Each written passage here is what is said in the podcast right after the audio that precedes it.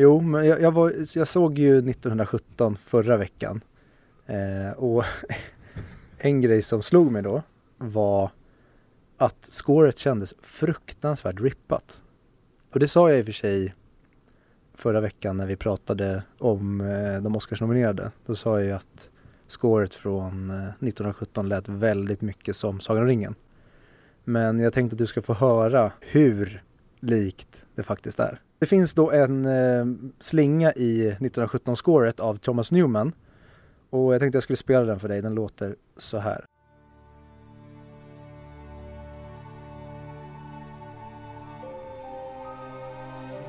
Är det här, vad, vad är det jag hör för något? Det kommer, det är när det kommer igång.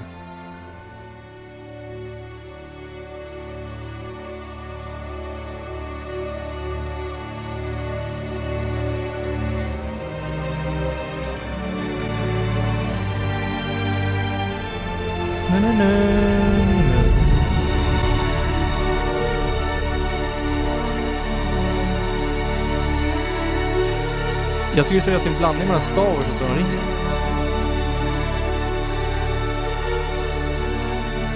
Jävlar vad likt det blev Sagan ringen där. Fast inte någon av de här vanliga, utan det här bara mäktiga K-djuret som ringen.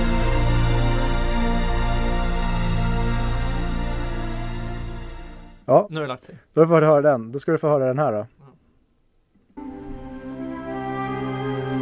Det här är spännande. Den här känner jag igen.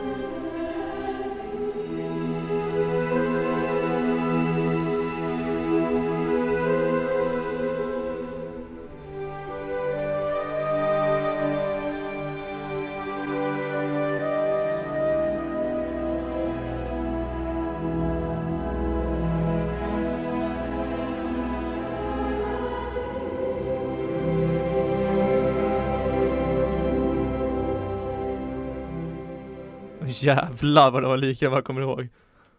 Men det här är ju, Det här jag är, vet inte varför, men jag ser Aragorn framför mig. det här är Rivendell, du vet när de kommer till Vattnadal.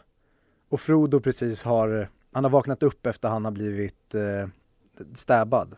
Han vaknar upp i Vattnadal och så ser han Vattnadal med egna ögon första gången. Ja, men det är väl Det- fler gånger? Eller bara därifrån? Nej, det här är mer, men det är Vattnadal-temat. Ah, okej, ja. 1917 är ju Oscarsnominerad. Men det som jag inte, för det här var det spåret som fastnade i mig. Det kan ha varit när jag såg 1917 att det var så jävla likt. Som det var det här re, re, re, som jag reagerade på. Men det var, jag blev så här, det här är plagiat. För så likt är det. Men det sjuka, där innan det kom igång, Ja. det var ju lite Star Wars. Du vet när han står och kollar på Two Sons melodin.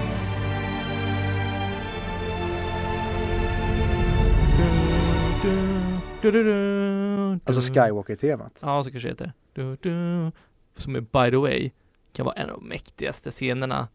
Det är den bästa, det bästa scenen i alla Star Wars-filmer i alla fall. När han står och stirrar ut ja, och, och man verkligen hör John Williams. Jag önskar att jag kunde vara på plats när de satte ihop den här scenen för jag tror inte George Lucas hade en aning om vad han hade skapat. Nej, För att njuta man så är det en ganska tråkig scen, men när man ser, när man ser med musiken när Luke blickar ut i horisonten och kollar ner i marken, kollar Ja. upp igen. Jag är så jävla- jag är så jävla Kan vi gås-? Ja, vi kör den också.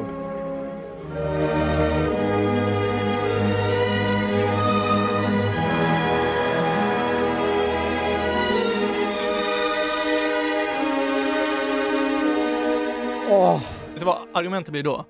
Men alla genier snor. Ja, och det är väl någonting jag kan faktiskt tycka att ja, ska ni nu stjäla, då är det väl jävligt skönt att ni stjäl från de bästa. Och det har man gjort i det här fallet. Man har stulit från Skywalker-temat som, ja, finns, det finns ju knappt säkert någon på hela den här jävla planeten som inte vet var det kommer ifrån om man spelar upp det för dem. Inte ens de som har, till och med de som inte ens har sett Star Wars vet ju typ vad det är. Nej, kanske överdriver lite men det, det är ett av de mest välkända spåren i, ja, i filmmusik. Ja, det var den och Gudfadern. Ja, Och Indiana Jones. och, och några andra. Men även Star Wars, eller vad säger jag, även eh, Rivendell-delen från Sagan om ringen. Att de har stulit från den. Den är lite mer subtil eftersom det inte är ett av de mest använda Sagan om ringen-styckena. Men ändå att koppa båda dem och trycka ihop till, till ett, ja. briljant tydligen för att eh, de har ju fått en Oscarsnominering. Bra jobbat! Varm applåd.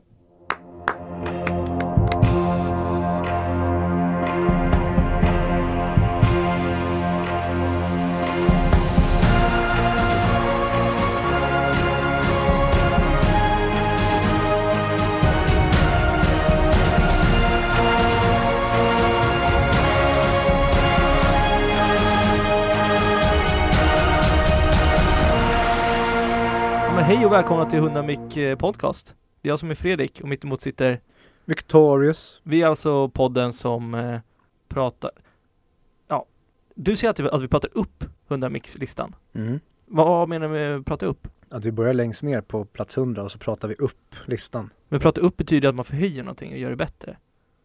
Ja, men vi använder det uttrycket, eller har gjort det i alla fall. Vad tycker du? Prata ner? Men jag tror jag har sagt det en gång bara för att det känns naturligt efter du har sagt det. Sen började jag tänka på det. Mhm. Alltså jag vet ju att prata upp är någonting annat, men jag tycker uttrycket funkar att använda i och med att vi pratar upp en lista. Vi klättrar upp för en lista. Ska vi säga att vi är podcasten som klättrar upp Men, IMDBs topp 100-lista. nej men vi förgyllar den också. Vi, vi förhöjer den till att den är bättre än vad den är. Eller kanske tvärtom, jag vet inte. Vi ger en uppmärksamhet i, i vilket fall. Mm. Hur som haver. Vi är alltså podcasten som pratar upp IMDBs topp 100-lista, men inte Charlie Chaplin. Exakt, verkligen inte Charlie Chaplin. Nej. Dagens film är alltså Vertigo av Alfred Hitchcock. Vertigo. Ver- Vertigo, Inte C, Vertigo. inte K. Vertigo, Vertigo. Vertigo. Svindel, eller som den heter på svenska, en studie i brott. Ja, ingen vet varför. Eh, jo, någon säkert, men jag har ingen aning. Vad hette, för det är också en grej med Hitchcock-filmer, de har väldigt märkliga översättningar. Vad hette North by, i sista stund hette den ju. Också märklig. Ja. Inte så i närheten samma. Hade inte det varit snyggare om Vertigo hade hetat typ svindel? Jo, Än en studie i brott? men S- Sverige har inga coola ord tyvärr. Nej, Svenska har- saknar det, det går inte att döpa en film till något coolt. vi är ju ofta också genom tid, eller genom tid, genom åren har vi ju varit väldigt duktiga på att döpa, göra översättningar så att de heter någonting helt annat än originaltiteln. Ja. För er som inte riktigt förstår nu när ni kollar på listan om, eh, nu- vet inte om Vertigo ligger exakt på 19 plats. Så vi har ju spikat fast den återigen. Där, där berättar jag för om vi fått en ny lyssnare, vem vet. Vi spikar fast den listan som vi hade när vi började eftersom den är ständigt rörlig. Den hittar ni då, det, en länk finns i beskrivningen och vi har gjort den på Letterboxd. Det är egentligen komiskt att vi upptäckte det efter vi hade dragit igång podcasten. Men att just det att den här listan förändras ju konstant. Ja, alltså det är ju konstigt för det är ändå så väl etablerade filmer. Men- Men ibland kommer det in nya filmer. Som eh, nu har ju Parasite har kommit in, Joker har kommit in. Inte 1917 också med på listan. Jo, och det är det jag menar att det är inte bara det att filmerna som ligger där byter plats genom att det kommer nya röster och de rankas olika. Utan som du säger, många filmer skickas ju ner på grund av att det kommer in nya filmer. Ja, så där, alltså där kommer vi ju successivt kunna lägga ut specialavsnitt där vi, där vi pratar om de filmerna som har kommit in på listan nu, typ som Parasite. Det hade varit ett kul koncept att köra ett specialavsnitt där vi samlar alla de som har kommit in på listan sedan vi drog igång den. Har ni någon idé där? Skriv till oss. Kom igen, gör det. Skriv! Vi börjar bli trötta på att prata med varandra. Men på tal om eh, trötta på saker. Jag såg klart Succession Mm. igår. Mm. Slänger en snabb spoiler alert. Vi ska ju summera Oscar också, så det kommer läggas en tid ner i beskrivningen om ni inte vill bli spoilade i Succession-serien och vad som händer där. Så kan ni hoppa fram till Oscar. Mm. Succession, du har sett den va? Oh ja. Så nu har vi väntat bra tid, nu har de hoppat över, nu kommer spoiler. Vad tycker du om slutet? Nej, det är fan i helvete satan jävlar vilken bra serie och vilken jävla mic drop att gå ut säsong två på. Den, det enda jag tänkte på när, när jag såg den, Mm. Det var Vikt, åh det här kommer Viktor illa. nej. det, det är inte det enda jag tänker på när jag ser saker. Det, det jag tänkte på var, du vet den klassiska memen, oh shit, here we go again. För det är väl typ femte gången han försöker slakta sin far. Ja, och det, jag kan ju säga, eller jag, jag tycker ju, i och för sig, det har väl typ varit befogat från början. Eh, men det här, så som Logan har eller behandlat Kendall från slutet på säsong ett tills, ja, under, under hela säsong två ger ju honom befogenhet att slakta tillbaka. Ja. För det är den psykiska terrorn som Logan har utövat på Kendall under säsong två, det är jag kan inte komma på någon Kanske fan i Dangal. Exakt. Jag kan inte komma på någon sen mm, Dangal. ja men precis. Nej för den är ju faktiskt, här är ju, den är ju med illvilja. Pappan i Dangal han gör det ju av kärlek och för att han vill uppnå någonting. Logan han är ju han är bara ond. Men det är så fascinerande med sådana karaktärer som man ändå hejar på trots att de aldrig förbättrar sig. Nej. De tänker ju, ja men nu ska han säga att han älskar sitt barn. Mm. Nu ska jag sluta vara självisk. Men det är som hans far, eller som hans bror säger. Det här är ju Hitler. Ja, Det är moderna tidens Hitler. och det, jag älskar det med den serien att det, inte bara den är briljant på så jävla många sätt men att den, den handlar egentligen om the bad guys. För att alla andra hatar de här och de hatar ju varandra och de behandlar som, varandra som svin och behandlar varandra piss. Men ändå så sitter man och hejar på alla de här karaktärerna. Jag vill ju fortfarande att det ska gå bra för Logan och att han ska sänka sina konkurrenter. Ja. Men han behandlar alla som alltså, trash. Det är därför det är en så fascinerande serie. Och att jag älskar Roman. Men jag hatar Shiv. Varför? Hon tror ju att hon är så smart hela tiden. Ja, du har henne för att hon är kvinna? Ja, det fattar jag väl. Alltså, hon, hon sitter på sin ped, vad heter det, pedestal. Pedestal. Pedestal. Pedestal. Hon sitter på sin pedestal. Ja, hon tycker att hon är bättre än alla andra. Ja, men hon är inte det. Nej, och det, jag håller ju med dig. Alltså jag, jag tycker väldigt mycket om henne på många sätt, men precis som alla de här karaktärerna, jag är 50% hat, jag är 50% förälskad i dem. Men de andra tror inte de, jag hatar personer som tror att de är bättre än, an, alltså, än vad de är. Fast det gör väl de andra också. Nej, jag tycker inte att de gör det. Jag tycker de vet att de är svin. Fast Tom, Ja. Shivs man, ja. han ber i två säsonger om att snälla, snälla, blanda in mig, snälla jag vill också vara med när, när ni tar stor, stora beslut. Låt mig vara med och liksom spela i frontlinen. Och så när han får göra det i the courtroom, då bajsar han på sig. ja. Han frågar det, eh, känner du Greg? Nej. Men vi har tusen e-mail här när jag pratar med varandra. Ja, ah, ah, du menar, Ja, ah, du menar han? Ja, jo, ah, han känner jag. Men det är även, även samma sak med eh, Roman. mm. Det är precis samma sak med Roman, att han tror ju att det är bara för honom att leka fram, alltså leka typ eh, entreprenör och idéspruta. Men det är precis det jag tycker de gör så bra i säsong två också, att de skickar honom på skol, alltså till skolan, att här ska du lära dig hur man blir en businessman. Och där får han lära sig lite av att oj, det kanske är lite mer som krävs för att driva ett multimiljardföretag än att vara lite cool toyboy och jetsetter. de som egentligen är de goda, inom citattecken. Man, man hejar inte på dem. Man tycker de är svin. Man vill inte att, att de ska köpa hans företag. Men egentligen så, hade man inte följt de här personerna så hade man ju bara hoppats att de här gått till skogen. Fan, de låter ju en jättenazist sitta kvar som nyårsankare liksom. Ja men säg att man, säg att scenen hade handlat om Stewie istället. Ja. Alltså Ro, nej inte Ro, eh, Kendalls, eh, Han, han är Polare. jätterik ja. ja men Ja. han som egentligen bara är, investerar i massa företag. Mm. Hade serien handlat om honom och att han kommer upp som liksom en, en typ tech-investerare, Ja. då hade man ju hatat familjen Roy. Ja, man gör ju det. Nu får, det, det är som att följa familjen Lannister, en spin-off-serie med familjen Lannister. Kan du pitcha den här serien till mig? Varför ska jag se den? Så, eh, och det vill ni ha någonting som, alltså det är un, underhållning i världsklass. Och även om man liksom inte är intresserad av företagsvärlden eller medievärlden eller något av det där så är det bara liksom, det är backstabbing på räls. Det enda som händer är att folk bara hugger varandra i ryggen och pissar på varandra hela tiden och man blir så investerad och sitter på spänn hela tiden. Det är att följa, ni som gillar The Game of Thrones, det är som att följa familjen Lannister i en spin-off. Fast i en modern mediavärld.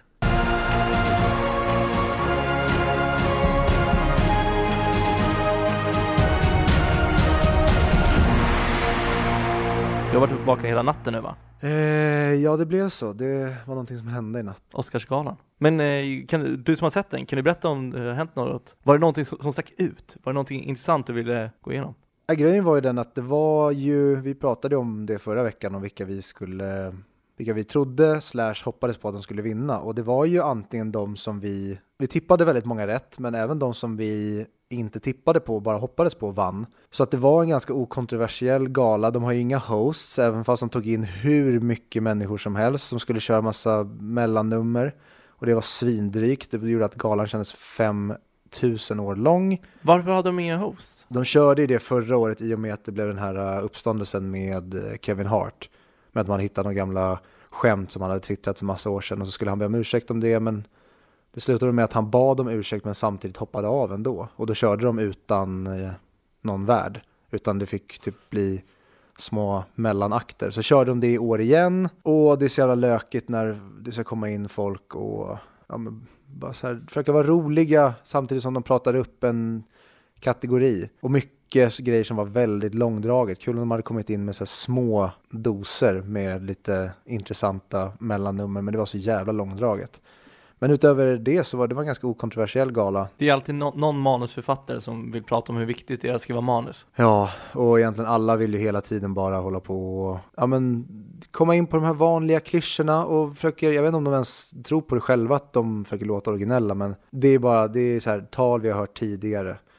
Det spelar ingen roll om de vill tacka någon eller om de vill prata om någonting som är viktigt. Det är så här, Ja, ja, snark, snark, gå vidare, ta emot, så mycket Gervais sa. Ta emot ditt jävla pris, tacka din manager, kliv av, håll käften. Jag hade bara gått upp på scenen och sagt tackar, tackar, och sen hade jag gått ut. Nej, så det som var fräscht och kul, det var väl att eh, Bong Joon-ho vann eh, både bästa regi och bästa film för Parasite.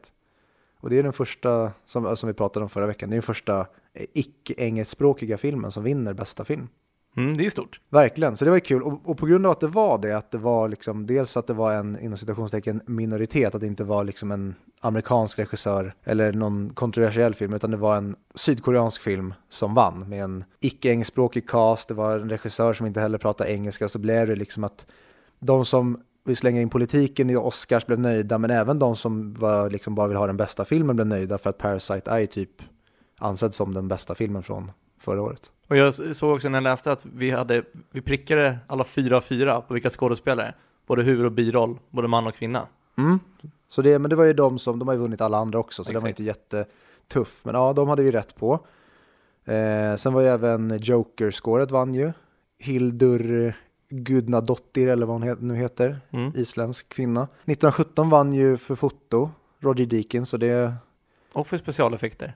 Ja, och specialeffekter. Ja, alltså säga vad man vill om det. Det var, det var ganska väntade vin vinnare. Det var ingen e-, egentligen stor skräll, utom då möjligtvis Parasite, men den var ju även favorittippad tillsammans med 1917. Det var kul, det gick ganska, och det, men det gjorde också att det blev ganska trist. Det var inte, det var en ganska platt gala. Den rullade på, priserna kom, det var inga tal som var jätteanmärkningsvärda. Var det något tal som stack ut? Alltså antingen åt det bra eller åt det sämre hållet? Jacqueline Phoenix har ju typ, han har ju upprepat sitt tal nu på alla galor där han har vunnit, men man märker ju att det är ju en snubbe som är det när han tackar alla andra och ser hur bra de är? Ja, dels det, men det, det kan man ju tycka är kul och fint. Eh, även fast det kanske är lite populistiskt. Jag gillar det. Men sen ska han även gå in, han ska ju bli politisk och hålla på och ja, men babbla om sina saker och sina tankar. Han säger jag har tänkt mycket och jag har tänkt på det här. Och så blir det långdraget, man märker att det här är en snubbe som ja, men han har knarkat en del i, sin, i sitt liv. Så att det är inte att, så att han är rapp när han ska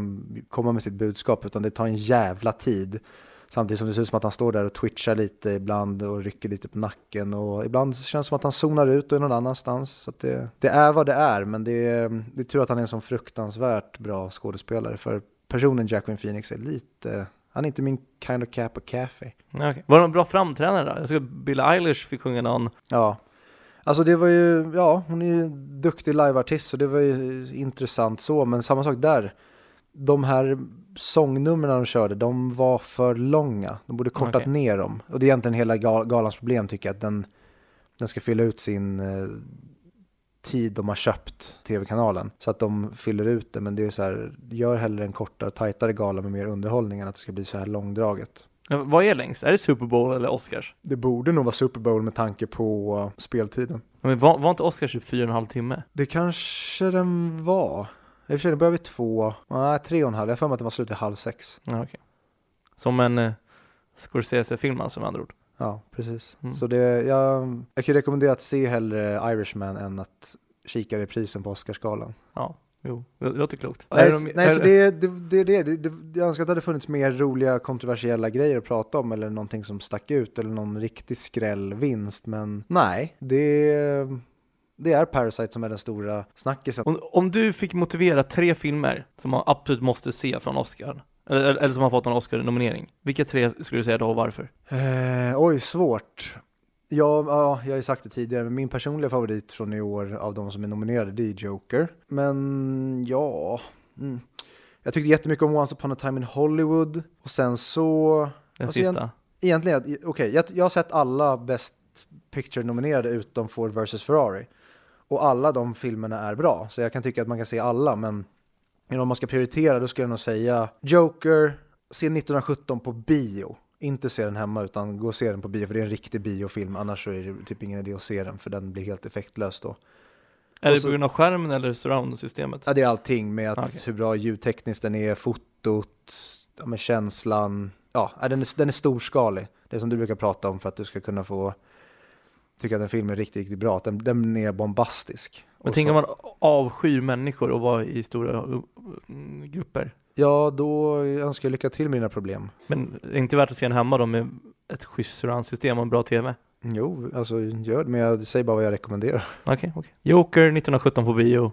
Ja men det får väl bli Once upon a time in Hollywood bara för att Tarantino är Tarantino och Leo och Brad har så jävla roligt märker man när de spelar in film med honom och det sa de också under galan. Att man märker ju på de här att de, de avgudar honom. De vet ju att det, det är någonting speciellt att spela in en film med Quentin Tarantino. Och du säger Tarantino är Tarantino. Då är det dels för att hans dialoger är, om inte de, bland de bästa. Och manuset. Ja, alltså de går ju, går ju ihop. Ja, ja men, men jag menar alltså själva storylinen, att han skriver om och håller på.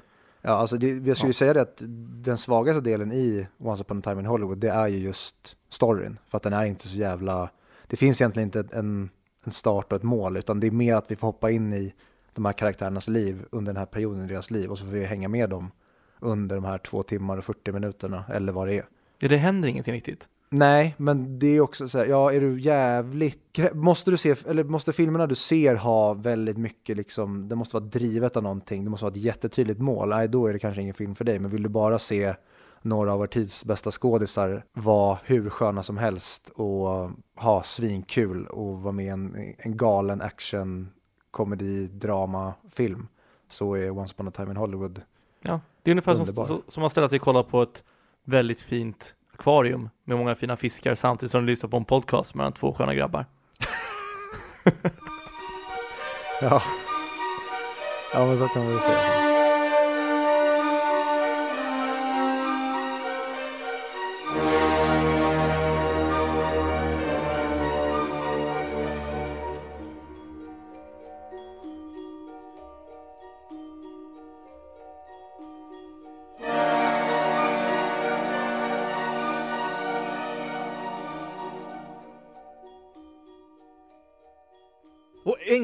Äntligen var vi här! Vertigo.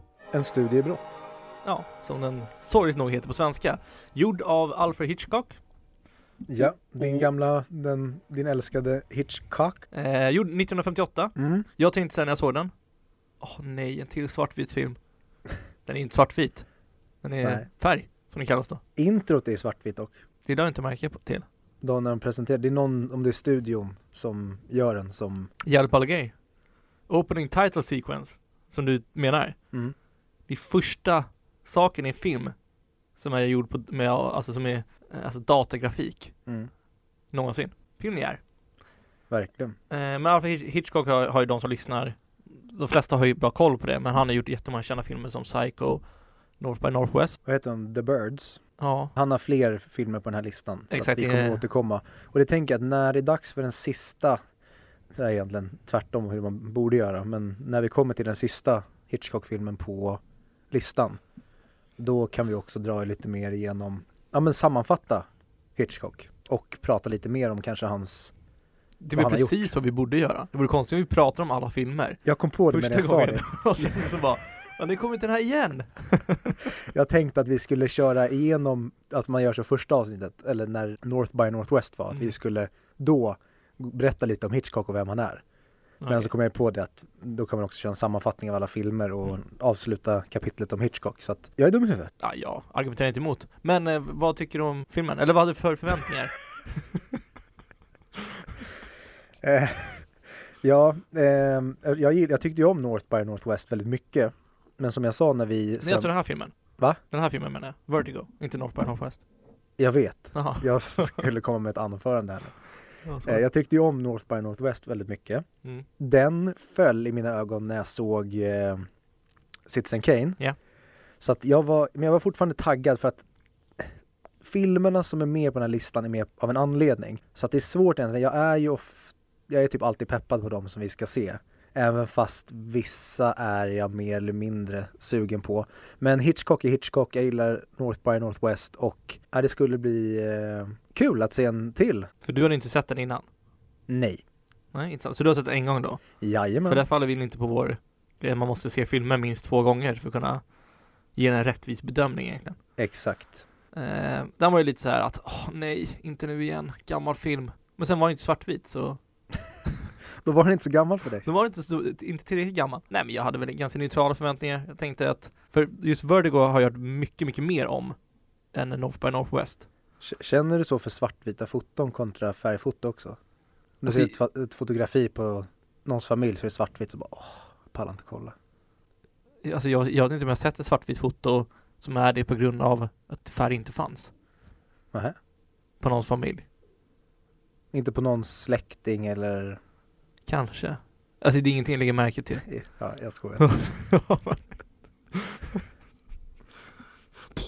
Nej, eh, Fredrik gjorde precis ett sätta pistolen mot huvudtecken och och sköt av. Är det så det känns att göra podcast med mig? till och från. Men eh, nu behöver vi inte gå in på detaljer och petitesser. Den här filmen Mm. fick jättedålig kritik i USA när den kom ut. Mm. Men det har vi också pratat om innan, det, är något speciellt med sådana filmer. Fick inte Citizen Kane också det? Jo, Säkert North by Northwest också. men säkert. Och sen blir den hyllad efter. Mm. Är det de som är galna eller vi som är galna som är hyllade nu? Det behöver vi inte prata om nu för vi, vi kommer komma in snart vad vi tycker om filmen. Men en retorisk fråga. Ja, Ställd på ett icke-retoriskt sätt. ja. Du, men, ja, precis, du menar ju som att den är ju hyllad av gemene man, inte du och jag. Nej, exakt. Den, är, den ligger ändå på 90 plats, eller låg. Mm. Ja, fan negativ jag blev plötsligt. Ja. Filmen handlar då om Scotty, eller John Ferguson som han då heter, som spelas av James Stewart. Han är en polis och i öppningsscenen får vi se honom tillsammans med en annan poliskonstapel jaga en brottsling på tak. Tänkte inte du också på Matrix? Första scenen? Jo, Ja, bra. Ja. Fortsätt. jajamän. Och det som händer då är att eh, när då Scotty ska ta ett kliv och hoppa från hustak till hustak så hoppar han lite för kort, halkar ner och hänger i stuprännan. Och sen av någon anledning så vet jag inte men så kommer konstapeln, den andra konstapeln och ramlar ner. Och det här då traumatiserar Scotty så pass mycket att han då får diagnosen vertigo, alltså han får svindel. Och därför kommer han inte kunna vara på högre höjder för det kommer ge honom svindel helt enkelt. Det är typ en form av P, vad heter det, PTSD. Ja, precis. Så att han eh, säger upp sig från eh, poliskåren och blir kontaktad av en gammal eh, collegekamrat som ber honom eh, undersöka och staka hans fru för att hon har nämligen inbillat sig att hon är övertagen av en gammal, ett gammalt spöke. Är det en fair beskrivning? Ja, och filmen handlar väl egentligen när han följer efter henne och ska ta reda på, Ja, alltså, är det sant? Det här kan inte vara sant. Men det är någonting som är sant. Oh, ja. ja men, Oh. Så det är väl lite vi kan eh, presentera och sen så kommer vi ju då, vi kan dra igenom hela filmen lite senare. ja, i alla fall de saftiga bitarna. Det finns ju en scen där, när han springer upp för ett klocktorn. Ja, För det, jag tycker ändå det är lite fascinerande hur vissa sådana här äh, regissörer, sådana här, hur vissa regissörer ändå lägger ner så mycket tid och energi på så små saker.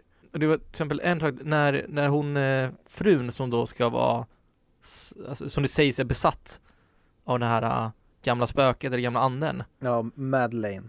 Ja, exakt. När hon står och kollar på en tavla. Den scenen tog en vecka att filma. Eftersom, eftersom Alfred, som jag kallar honom, ville ha ljuset rätt. Så han la en, han la en vecka på att ljussätta den scenen. Ja, fast ja, det skulle slå in perfekt tyckte han. Mm. Det, det kan ju också varit, för jag, jag antar att de inte hade digitalt då på den tiden. Nej, Det kan ju varit att det var, då kunde de ju inte se i realtid hur scenen blev. nej. Det kan ju också vara en grej som påverkar det. Men också en annan scen i eh, trappan. Det var då han började använda den här, äh, I klocktornet. i klocktornet menar jag. Mm. Ja exakt, trappan i klocktornet. Det- Den här effekten så, det blir- så det blir ett så här snurrig effekt. Så det känns som svindel. Exakt. Den kostade alltså 19 000 dollar att, att spela in. Göra den effekten. Det är bra mycket deg på den tiden. Ja det är sin, alltså för en scen. Mm. Alltså som är, som är så simpel. Det är skillnad idag när det är CGI och grejer. För det kostar ju faktiskt pengar för det är människor som jobbar med det på annat sätt. Har du något annat intressant om filmen innan vi går in djupare på den? Jo, just det. Jag kommer ihåg att jag läste att eh, Hitchcock har ju sen sågat Kim Novak som spelar då Madeleine Elster, alltså kvinnan som Scotty förföljer och eh, ska då ta reda på om hon är besatt av ett spöke eller inte. Kim Novak som spelar henne har i efterhand sågats av Alfred Hitchcock och eh, han har sagt att det var ett misstag att, att, att han castade henne. Det låter ganska oskönt. Det, det är en bra jävla sågning när personen som har gjort filmen ångrar att du var med i hans film. Jaha, sa han varför? Kommer faktiskt inte ihåg. Vet du hur han fick idén till den här filmen? Nej. Det var, för han ville egentligen använda den här, äh, det, det som kallas Now Famous Vertigo Zoom i hans film Rebecca som kom ut 1940. Det, och han fick idén för det efter, man- ä- efter han hade svimmat på en fest. Och då antar jag att han fick uppleva hur det var att svimma. Och det som är fascinerande med den storyn tycker jag är hur en människa kan ta en sån där hemsk upplevelse som det kan vara att svimma faktiskt. För det kan vara väldigt skräckfyllt skulle jag säga, gissa på. Jag tror inte att det, någon skulle säga att det är kul. Hur, hur man kan vakna upp och sånt där och tänka tillbaka på hur det var och göra det till en, till en, till en idé. Och det är därför de här människorna är alltså de största visionärerna som vi har. Ja. För de kan ta en sån känsla eller en sån upplevelse och förmedla den precis som de har sett den. Alltså det är skitlätt för dig och mig att tänka att hmm, det här skulle vara skitsnyggt att sätta upp en scen om. Men vi har ingen aning om hur vi ska få till det. Nej exakt, så då kom man på idén och sen började bygga filmer runt omkring den. Och på tal om filmen, vad tyckte du om den? Jag tyckte väldigt, väldigt, väldigt, väldigt mycket om filmen. Fram tills typ sista tredjedelen. Men du, du tyckte väldigt, väldigt, väldigt mycket om den Mm. i två tredjedelar. Ja, då var den briljant. Jag är faktiskt snarlik där, men jag snäppet under briljant. Semi-briljant vill jag tycka. Mm. Men eh, vad mer händer i filmen då Viktor? Ja men i och med att Scotty blev då anställd av den här, uh, hans gamla collegekollega att Eh, förfölja och ta reda på om hans collegekollegas fru då, Madeleine är sjuk i huvudet. För att hon, han säger att hon zonar ut då och då och påstå, påstår sig att det är någon gammal förfäd, förfäder till henne som tar över och vill att hon ska göra saker och ta livet av sig. Så att eh, Scotty då börjar följa efter den här kvinnan och eh, hon är otroligt vacker så att han fattar tycke för henne. Och sen så vid ett tillfälle när han följer efter henne så hoppar hon i the San Francisco Bay för att ta livet av sig. Han räddar då henne och tar med henne till hans lägenhet. Och när hon då vaknar så blir det en connection mellan dem. De blir förälskade och till slut så väljer de att de ska vara tillsammans men så får hon någon slags knäpp i huvudet när de befinner sig på en, eh, vid en kyrka och säger att hon måste dö för att hon är besatt av det här spöket från hennes, från ja, det förflutna. Så hon springer upp i ett klocktorn, hoppar ner och tar livet av sig. Och det här gör honom helt förkrossad så han hamnar på mentalsjukhus där han då behandlas för den här hjärtesorgen. Ja, det är ju delvis på grund av att han blev förälskad i henne och för hans tidigare syndrom ju. Ja, det är en kombi- kombination av den här tragedin, hjärtekross och som du säger att han sen tidigare har den här svindelåkomman. Och sen så då blir han då friskförklarad och sen när han går på gatan en tid senare så ser han en kvinna som ser exakt ut som den här Madeleine som han var förälskad i. Men hon har andra kläder, hon har annan färg på håret. Ja men hon ser ut som att en omstylad Madeleine helt enkelt. Och han som då har ja, uppenbarligen hans psyke har tagit en törn, blir då blixtförälskad i henne och tränger sig på och ser till att du ska gå på dejt med mig. De går på dejt, vi får reda på att det här är kvinnan som han blev förälskad i och att hon blev anställd av den här maken för att spela hans fru så att han sen kunde döda sin egen fru och ärva hennes företag och familjepengar. Men det här vet då inte Scotty som vi får följa utan vi får då se det genom att Madeleine förbereder sig för en dejt de ska gå på. Och hon är ju förälskad i Scotty så att hon eh, går med på det här. De blir förälskade. Han upptäcker sen att han har gått på den här blåsningen, att det här är den riktiga Madeleine och bestämmer sig då för att åka till platsen där hon tog livet av sig för han vill då undersöka om han klarar av att gå upp för det här klocktornet med henne samtidigt som han konfronterar henne om varför ljög du för mig och låtsades dö. Och det slutar med att när de är uppe i klocktornet och bråkar om det här så kommer det upp en nunna som hon då blir rädd för och hoppar ut från samma fönster som ja, den här Frun.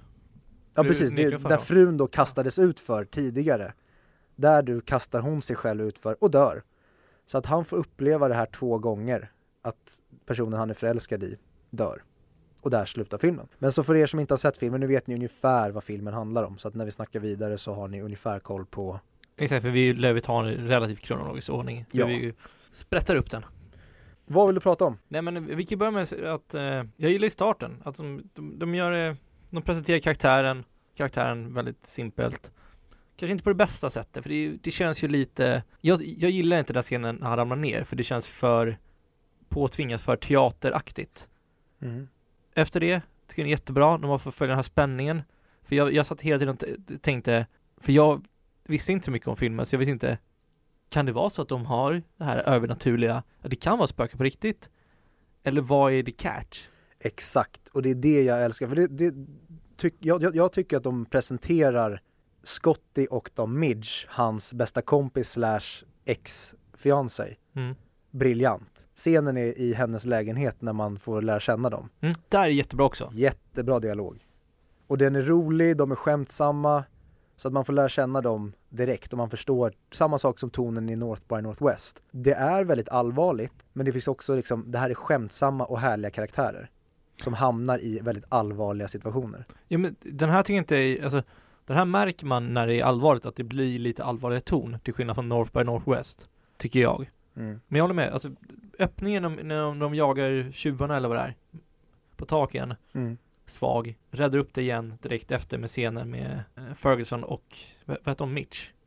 Midge, Midge De två tycker jag räddar upp det, älskar henne som karaktär jätteskön. Ja, verkligen Men vad händer med henne? Hon bara försvinner ur filmen. Ja, jag tänkte ta upp det också Hon är egentligen helt onödig. För när vi satt nu och eh, började spela in den här podden, äh, avsnittet Så kom jag på det Fan, hon är ju med också den karaktären Ja.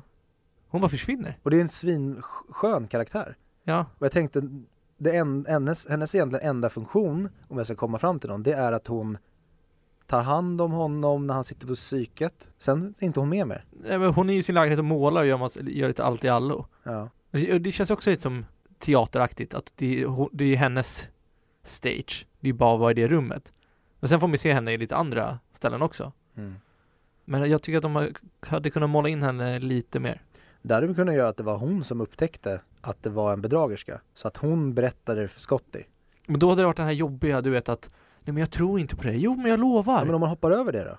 Ja, om om man hoppar över det och, och kunna klara bevis och visar upp det Mm. Och han inte är så här, men jag tror ändå inte på dig Ja, men då hade hon haft en, alltså en funktion i filmen. Ja, absolut Men jag hatar det här, du vet När en karaktär uppenbart ska tro på dig men inte gör det på grund av filmens Ja. skull Eh, Men hade de tagit bort det, absolut, då hade jag köpt det Mm. Alltså jag, jag kan ju säga det, jag sa ju det att jag tycker filmen är briljant i två tredjedelar. mm. Jag tycker att den är helt fantastisk som du, som du nämner att man vet inte om det är, över, det är någonting övernaturligt eller om hon, om hon är sjuk i huvudet. Så att man sitter egentligen under hela mysteriet som är två, ja, fram tills egentligen då Madeleine inom citationstecken dör. Så sitter man ju och undrar att tänk, finns det spöken på riktigt? Mm. Eller eh, är hon helt sjuk i huvudet? Men så är det ju inte något av det utan det är ju att den här snubben som anställer Scotty för att undersöka Han har ju egentligen bara framat Scotty till att ja, egentligen bevisa att hon är sjuk i huvudet. När det egentligen handlar om att han egentligen bara ville göra sig av med sin fru. Har an anställt en person för att spela hans fru för Scotty. För Scotty kommer inte kolla på liket och säga att nej men det där var inte kvinnan som var hans fru nyss. Det är bara han som vet om det. Ja. Och Midge har aldrig träffats och det är de enda personerna som egentligen skulle kunna ja, men, breaka det här, alltså bryta den här mannens eh, scam.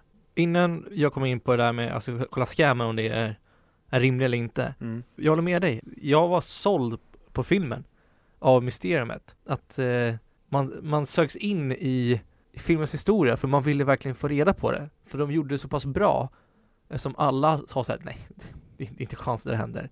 Och jag tycker att han, eh, han Gavin, kompisen till eh, Scotty, Ja, alltså hans gamla college exakt, polare. att han spelar sin roll så pass bra att det är så här, jo det här är sant, det finns för mycket bevis, men han är inte så skrikig eller påig på det. Nej. Så du måste hjälpa mig. Då är det så här att jag köper om du inte tror på mig, men ge det bara chans att kolla så kommer du också tro på det. Ja. Det får ju mig också att tro att det kan vara sant. Mm. För det är det, som, det är det jag tycker filmen gör så bra. Att hon är sjuk i huvudet eller det är spöken fram tills den punkten att vi får reda på att Madeleine, eller som hon då heter egentligen, Judy, lever. Ja. Så vi får, vi får egentligen aldrig veta så här, alltså vi är aldrig på samma plan som Gavin Elster, att vi vet om scammen. För den presenteras för oss i form av att Judy avslöjar den i sitt rum. Att hon, åh, ska jag dra? Ska jag fly härifrån? Och det tycker jag också är fantastiskt att vi hela tiden under två tredjedelar av filmen tror att hon eh, tog livet av sig. Ja, för det första som händer då är att jag tänker att, fan, vad håller hon på med? Kan du inte bara bli frisk istället? Ja, och det är det, det är det som är så briljant för det, är flera grejer som jag inte köper under filmens gång med att Nej men nu får hon sluta där, de står på gräsmattan utanför klocktornet och bara Jag kan inte! Och de går runt där i eh, skogen och bara Åh, hon säger åt mig att jag inte kan leva längre. Jag bara, men lägg av nu fan. Det här kan ingen liksom, det här känns skittöntigt, vad håller du på med Hitchcock? Och sen så är han bara smartare än vad en själv är och så här, ja, okej. Fair Mm, play. Fair enough.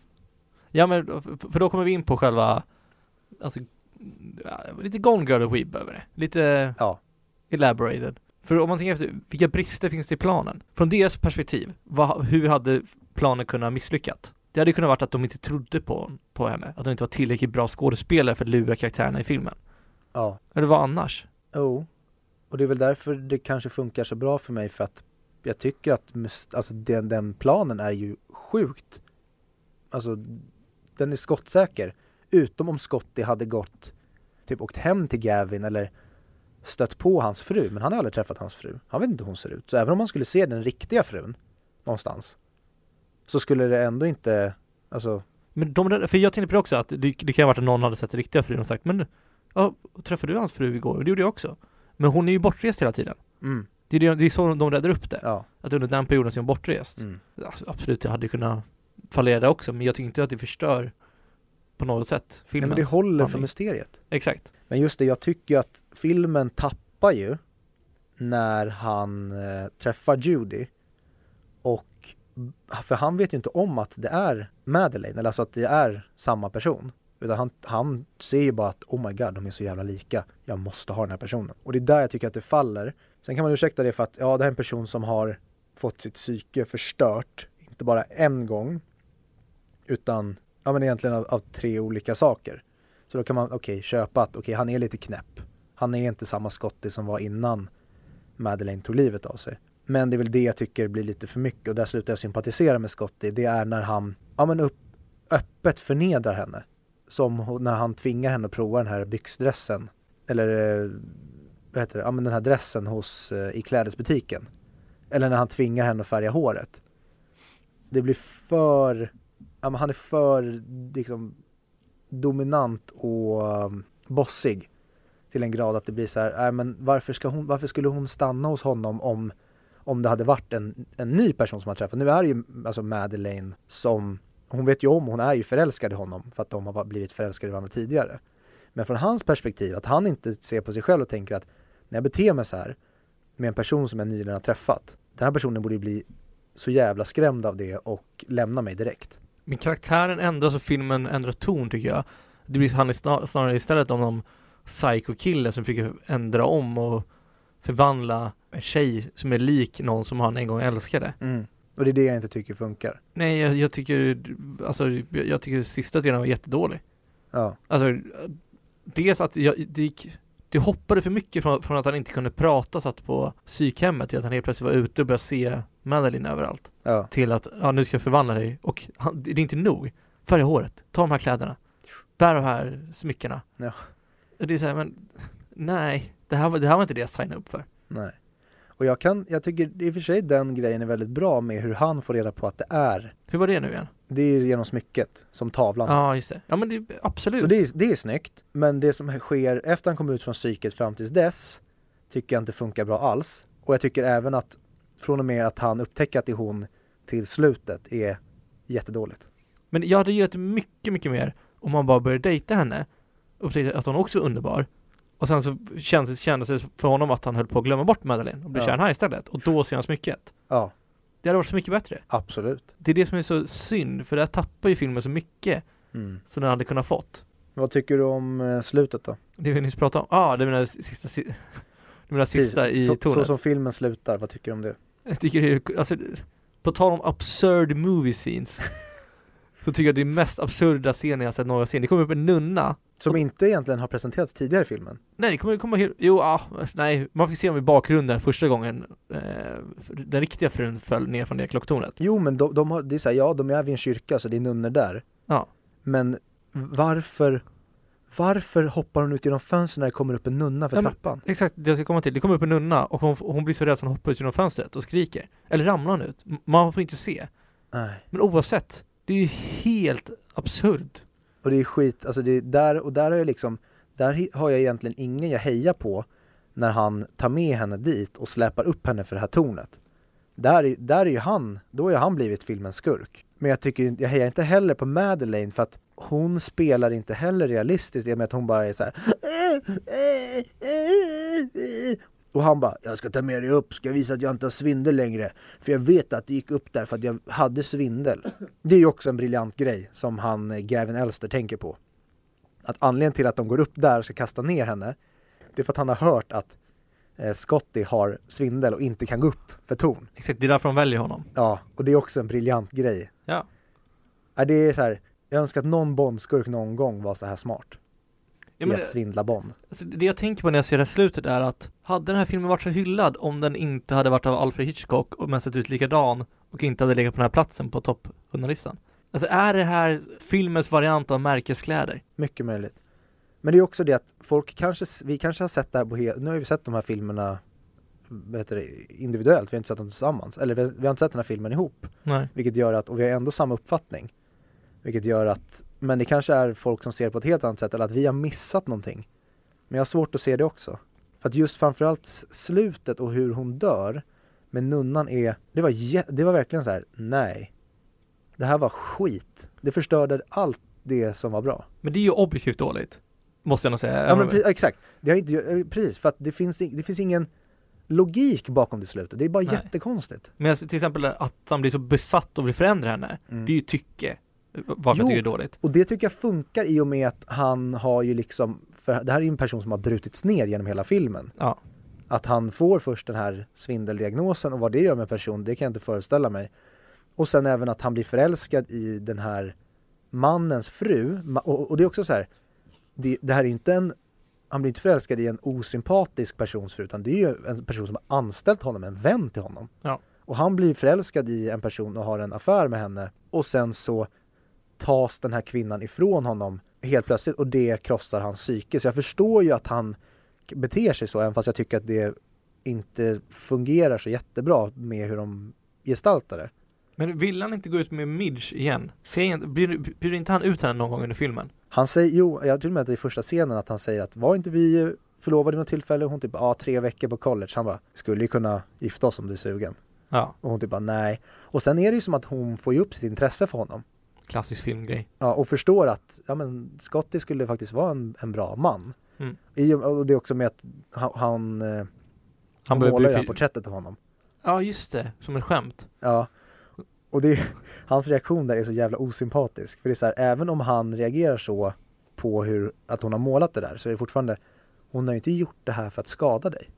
Men han är sån jävla douche och bara Fuck you! Och så går han ut. Jag köper det, men jag köper inte att han inte kommer tillbaka och typ såhär, ah, sorry för jag överreagerade eller någonting sånt där.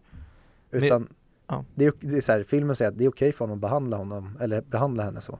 Till den positiva noten, Mm. har du någon favoritscen eller favoritdialog i? Eller någonting som bara dyker upp i huvudet? Scen vet jag inte, men jag, jag tycker väldigt, väldigt mycket om mysteriet. Och från när han ska börja staka henne och skugga henne tills det att, eh, egentligen tills de blir förälskade. När han egentligen bara följer efter henne och, och man försöker liksom luska i det här. Det tycker jag är, där är jag helt fångad. Förutom att det är uselt utförd, utfört hur nära han kan vara henne utan att hon Just det, tänkte, oj tack du ser upp där. Jag kommer ihåg, det är en scen där han står bakom en spegel typ. Eller så här, på- en dörr. Och han står och kollar på henne med som kollar in i spegeln som han står bakom. Ja, hur kan han inte se honom? Eller när, åker, eller när han åker efter henne, en meter bakom hennes bil, på en ensam gata. Så här, hur är det här möjligt? ja, eller när hon sitter och tittar på, på fotografiet. Eller Ja. på porträttet. Och han står där. Och även när han så börjar prata med han som har hand om det här museet eller vad det är. Att så här, det är en sån där, akustiken i en sån plats gör att man hör allt. Ja, Men det man i så fall kan ursäkta det med är att den här personen då ska vara psyksjuk och att hur det faktiskt är att hon vet ju om exakt. att hon blir förföljd. Det är försvaret. Men ja, men han suger ju för det. Alltså det spelar Ja. ingen roll att det, han är ju den sämsta stalkern i historien. jag, jag fick lite vet, North by Northwest när han, när han ska ta ut en kniv ur en person som blivit knivkastad på. och sen tar man en bild så tror man att det är han som dör. Alltså lite den vibben fick jag såhär, det här är inte realistiskt. Jo, men den filmen har en annan ton. För Ja, det, som det- jag det sa, det- som det jag sa till dig, det ska, det ska vara, Ja, ja, ja. Det här ska inte vara så i alla fall. nej precis, det här är Nej, man liksom, inte hålla med om North by Northwest. Men skitsamma. så det är, ja men det, är- och jag tycker typ grejer också har lite att klaga på det är att de blir förälskade väldigt snabbt. Det, går från, det kom från ingenstans kände. Och precis som i North by Northwest, briljant musik. Fick väldigt mycket Star Wars, John Williams feelings av eh, Där håller man på med riktiga, det är liksom orkestrar, man hör att det, det är inte någon som har suttit på en synt i sitt Men den hjälper till i mysteriumet. Ja, som vi har varit inne på. Det, det är det som gör filmen briljant. Och- Eller snäppet under briljant. Så. Det är en grej som jag också kan störa mig på precis som i North by Northwest. Det? Åldersspannet mellan män och kvinnor är så jävla stort. Det är så här, det kändes som att han var typ dubbelt så gammal som både Midge och Madeleine. Men det känns som att de var typ 26. Hon var väl det? Jag har för mig att de säger det i filmen. Ja. Ja, det är fan sant. Jag Och han ser ut att vara närmare 50. Ja, det känns så här. Det här är märkligt. Ja, Men så nej, var det ju förr i tiden kanske, i USA. ja precis, inte i Sverige, Nej. bara i USA. Ja. Nej, så det, men det var en sån här grej som jag ja, men störde mig. ehm, Men det är just därför, för nu kan vi komma in på det, håller den idag-frågan. Som jag har sagt till dem tidigare som har varit lite äldre filmer, att Mm. nej det gör de fan inte. Nej, som, som, he, som helhet, nej. Men det är en stor del av filmen som jag tycker håller väldigt bra. Men till skillnad från, ja men kanske, nej Citizen Kane har jag egentligen inget att klaga på, men i North by Northwest, de grejerna jag kunde liksom, där fanns det för små grejer för mig för att de skulle sabba filmen. Men här, det är för mycket grejer i den här som sabbar, så att som helhet, nej, den håller inte idag. Men jag tycker fortfarande att mysteriedelen är magnifikt. Oh ja. Alltså det är ju den som, som för jag tycker fort, jag tycker Citizen Kane är bättre än den här filmen. Ja, absolut. Absolut. Tycker jag. Trots att den är svartvit och inte den här. Jag älskar ditt hat mot svartvitt. Ja. Men du, du måste ju se Lighthouse. Ja. Men jag gillar ju Sin City, den är också svartvit. Ja, okej så det är att det är gammalt och svartvitt. Det är alltså, det är när den in, alltså när inte är svartvit by choice. Schindler's list till exempel är också jättebra.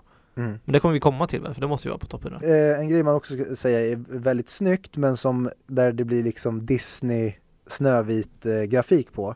Det är ju hans, eh, när han drömmer och får de här, eh, när allting snurrar. Det är väldigt snyggt förutom att det blir liksom, ja men väldigt tydligt att ja, vi har inte e-, effekter för att göra någonting verkligt här utan vi ritar Disney style på ja, det som sker i hans hjärna under drömmen.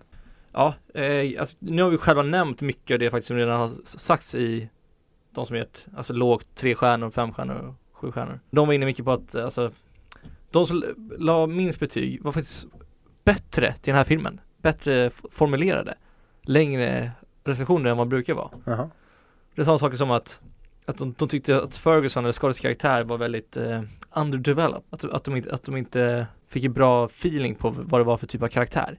Mm. Vad som motiverade honom och liknande.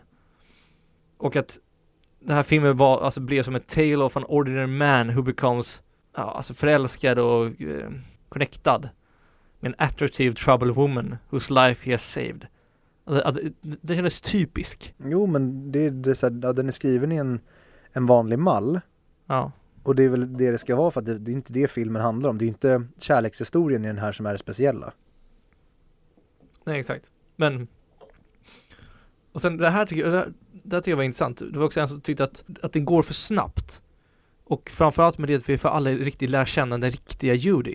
Ja, det, det, en, det skrev jag upp i mina anteckningar. Det är verkligen en kritik jag har till den här filmen. Att det går, viss, många övergångar går för snabbt. De hade kunnat lägga, men fylla ut filmen med en halvtimme till och dels få oss att känna den här förälskelsen på riktigt. Ja. Låt, låt oss se när han kommer tillbaka från hans psykiska sammanbrott.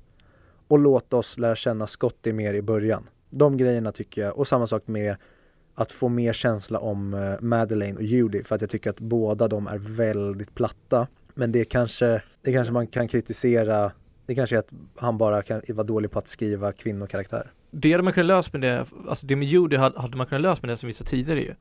Att man får se att de faktiskt blir kära istället för att han ska försöka få, alltså, göra om henne. Mm. Och sen får han reda på det. Att det är hon som spelade Madeline. Mm. Men alltså, mycket om, eh, om, om vi går upp till fem stjärnor nu, någon som satt det. Det var mycket frågor så här om att, men hur kan det här gå till? Men varför gjorde han sådär? Varför blev det här valet? Mm. Det var mycket som inte är logiskt för dem. Det kan jag hålla med om. Men för mig så funkade det väldigt länge för att jag brydde mig inte om det. Jag var, jag var in- investerad i mysteriet. Och det var egentligen det jag tyckte filmen handlade om. Och det är det, alltså filmen blir ju väldigt lutande på det. Utan det så försvinner filmen helt. Om man inte kommer in och blir nyfiken på vad svaret är. Så tappar det allt. Absolut. Och en grej som jag tycker också är jävligt snyggt utfört. Ja. Tänk, tänkte du på det att det var viss ibland, till exempel i butik, där de är inne i en butik, han och Midge, så blir bilden väldigt, väldigt mörk. Att man knappt, det blir nästan som att man tror att det, är- nu har de fuckat upp här när de har filmat den här scenen. De har ingen aning om att fotot blev så här mörkt. Någon har råkat lägga på fel filter. Ja, Och även i andra scener så blev det väldigt ljust och disigt så att det nästan känns som att det är här blir det fucked up när man framkallar för det är väldigt blekt här. exakt. Det är medvet, medvetna val för att spegla hans hjärna i och med att han har problem med efter sin eh, svindel där. Sånt älskar man i film, när man kan få Ja. Men det vet man ju inte. För Nej. jag störde mig som fan på det när jag såg den, utan det har jag läst mig till efterhand. Jaha. Ja, jag, alltså jag har inte så mycket tanke på det faktiskt om jag ska vara ärlig. Nej. Sorry. Nej, men skönt att du inte störde dig, för mig blev det så här, men vad fan. Men till sist då, de som har satt sju stjärnor. Mm. Den överrungande förklaringen till att det var sju stjärnor och inte högre var att den var bra, men den är väldigt överskattad.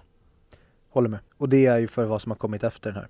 Ex- Exakt, för, för vi kommer in på samma grej när vi, varje gång vi pratar om en, gam- om en äldre film. Mm. Det är ju att, alltså, det är svårt att få en, en gammal film att hålla idag. Mm. Vart tror du gränsen går? Nej, det är ju det, jag tycker att Citizen Kane håller idag. Ja, Så att för mig har det inte med det att göra. Men okej. sådana grejer som jag stör mig på, det är till exempel när de sitter och kör bil. Att de inte, det spelar ingen roll att det är gammalt, ni får ha en plan för när vägen svänger och ratt, använda ratten tillräckligt mycket. Jag stör mig som fan på när de svänger och det är tydligt att det är en, en skärm bakom som ska visa bakgrunden vart de kör.